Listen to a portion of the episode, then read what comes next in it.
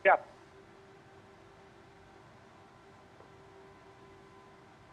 Tanggungjawabkan kebenarannya. Dan mohon menghindar dari bangunan yang retak atau rusak akibat gempa. Periksa dan pastikan bangunan tempat tinggal Anda cukup tahan gempa ataupun tidak mengalami kerusakan yang berarti akibat getaran gempa yang telah terjadi tadi dan pastikan kerusakan atau retakan tidak terjadi, tidak membahayakan kestabilan bangunan sebelum Anda kembali ke dalam rumah.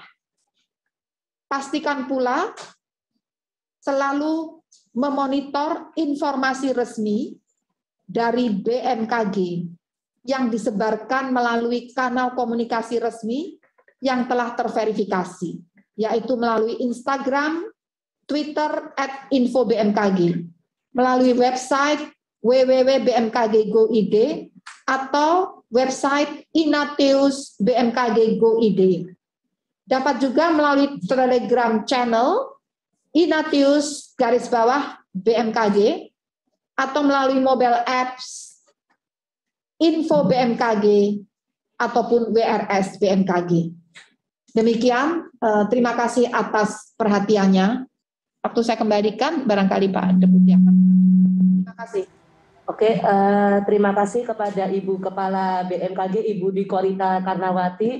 Mungkin untuk uh, dalam hal ini juga hadir Pak Deputi Bidang Geofisika Pak Suko Prayitno. Mungkin kami persilahkan kepada Bapak untuk menyampaikan updating terkait uh, pasca terjadinya gempa bumi yang terjadi di siang hari ini tadi Pak. Terima kasih. Tadi secara detail sudah dijelaskan oleh Ibu Kepala BMKG. Uh, kami mendapatkan sedikit bahwa gempa ini adalah gempa darat sehingga tidak mungkin terjadi potensi tsunami di laut, gempanya di darat.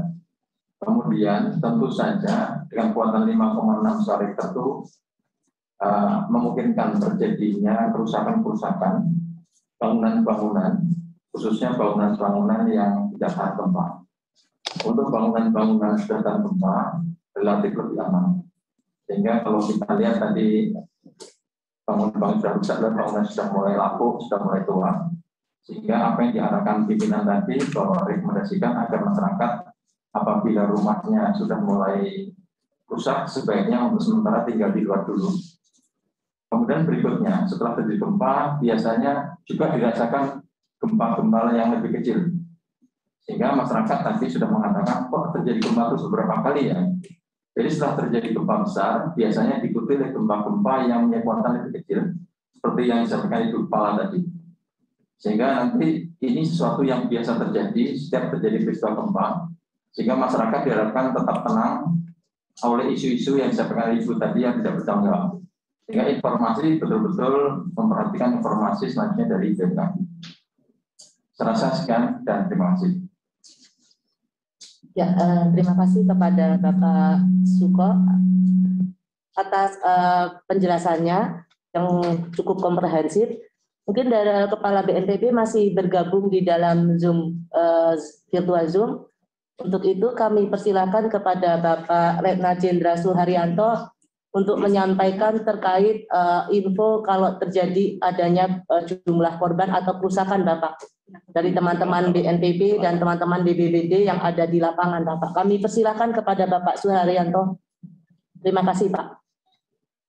Terima kasih, Ibu Moderator yang terhormat, Ibu Kepala BMKG, Ibu Profesor Dr. Wikorita Kanawati, Bapak Ibu sekalian dan awal media. Mungkin kami menambahkan informasi yang tadi secara jelas dan rinci sudah disampaikan oleh Ibu Kepala BMKG, kami dari BMPB dibantu unsur-unsur BPBD di daerah ini terus melaksanakan pendataan terkait dengan jumlah korban. Ini baru saja kami mendapat informasi bahwa korban jiwa khususnya di Kabupaten Cianjur ini sudah ada 14 orang meninggal dunia. Saya tambahkan lagi 14 orang meninggal dunia, yaitu di Kecamatan Cilaku, Desa Rancagoong, Kecamatan Cianjur, Desa Limbangan Sari, dan Kecamatan Cugenang. Tentu saja ini kami akan laksanakan pendataan secara terus. Informasi ini akan berkembang terus, karena seperti kita ketahui bersama bahwa pendataan terkait korban apabila terjadi gempa ini tidak bisa dilaksanakan secara cepat karena korban akan terus bertambah. Kemudian juga 17 orang warga luka-luka. Kemudian kerugian material untuk di Kabupaten Cianjur sendiri ada tujuh unit rumah rusak berat, satu unit pondok pesantren rusak berat, satu unit rumah sakit umum daerah Cianjur rusak ringan, empat unit gedung pemerintah rusak, tiga unit fasilitas pendidikan rusak, dan yang lain-lainnya seperti yang tertera di slide. Khusus Kabupaten Bogor juga ada empat unit rumah rusak.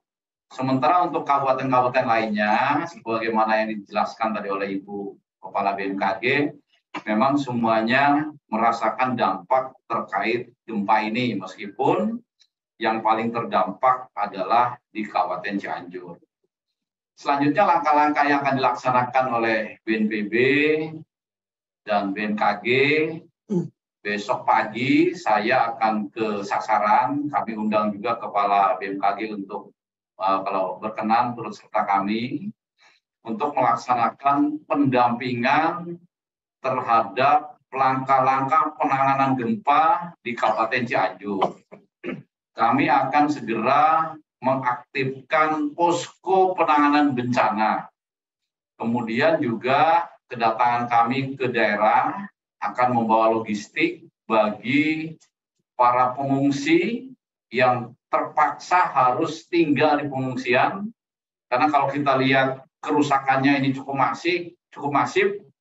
Jadi kalau berdasarkan pengalaman penanganan bencana bencana gempa sebelumnya dapat kami perkirakan begitu eh, masyarakat yang harus mengungsi ini cukup banyak sehingga kami akan siapkan logistik seperlunya, tenda-tenda, kemudian untuk mengaktifkan posko juga kami akan dorong anggaran, anggaran dana siap pakai, dengan target saat tanggap darurat ini kami pastikan masyarakat Kabupaten Cianjur dan daerah lain yang terdampak ini bisa betul-betul tertangani kebutuhan dasarnya. Kemudian setelah itu kami akan terus melaksanakan pendataan. Setelah tidak ditemukan lagi korban jiwa yang luka-luka atau mungkin ada yang hilang dan seluruh masyarakat yang rumahnya hancur yang harus tinggal di pengungsian semuanya sudah masuk ke pengungsian di pengungsian roda hidupnya sudah berjalan walaupun serba keterbatasan tetapi sudah jalan kebutuhan dasar hidupnya MCK-nya kebersihannya. Kalau anak-anak pun memang harus sekolah ada sekolah bisa berjalan dari pengungsian maka kami akan nyatakan bahwa tanggap darurat itu sudah dinyatakan selesai. Baru kita masuk tahap rehabilitasi rekonstruksi. Ini mudah-mudahan bisa dilaksanakan secepat mungkin karena kami menyadari semakin lambat tahap rehabilitasi rekonstruksi ini terwujud, maka semakin lama masyarakat terdampak yang tinggal di pengungsian semakin menderita.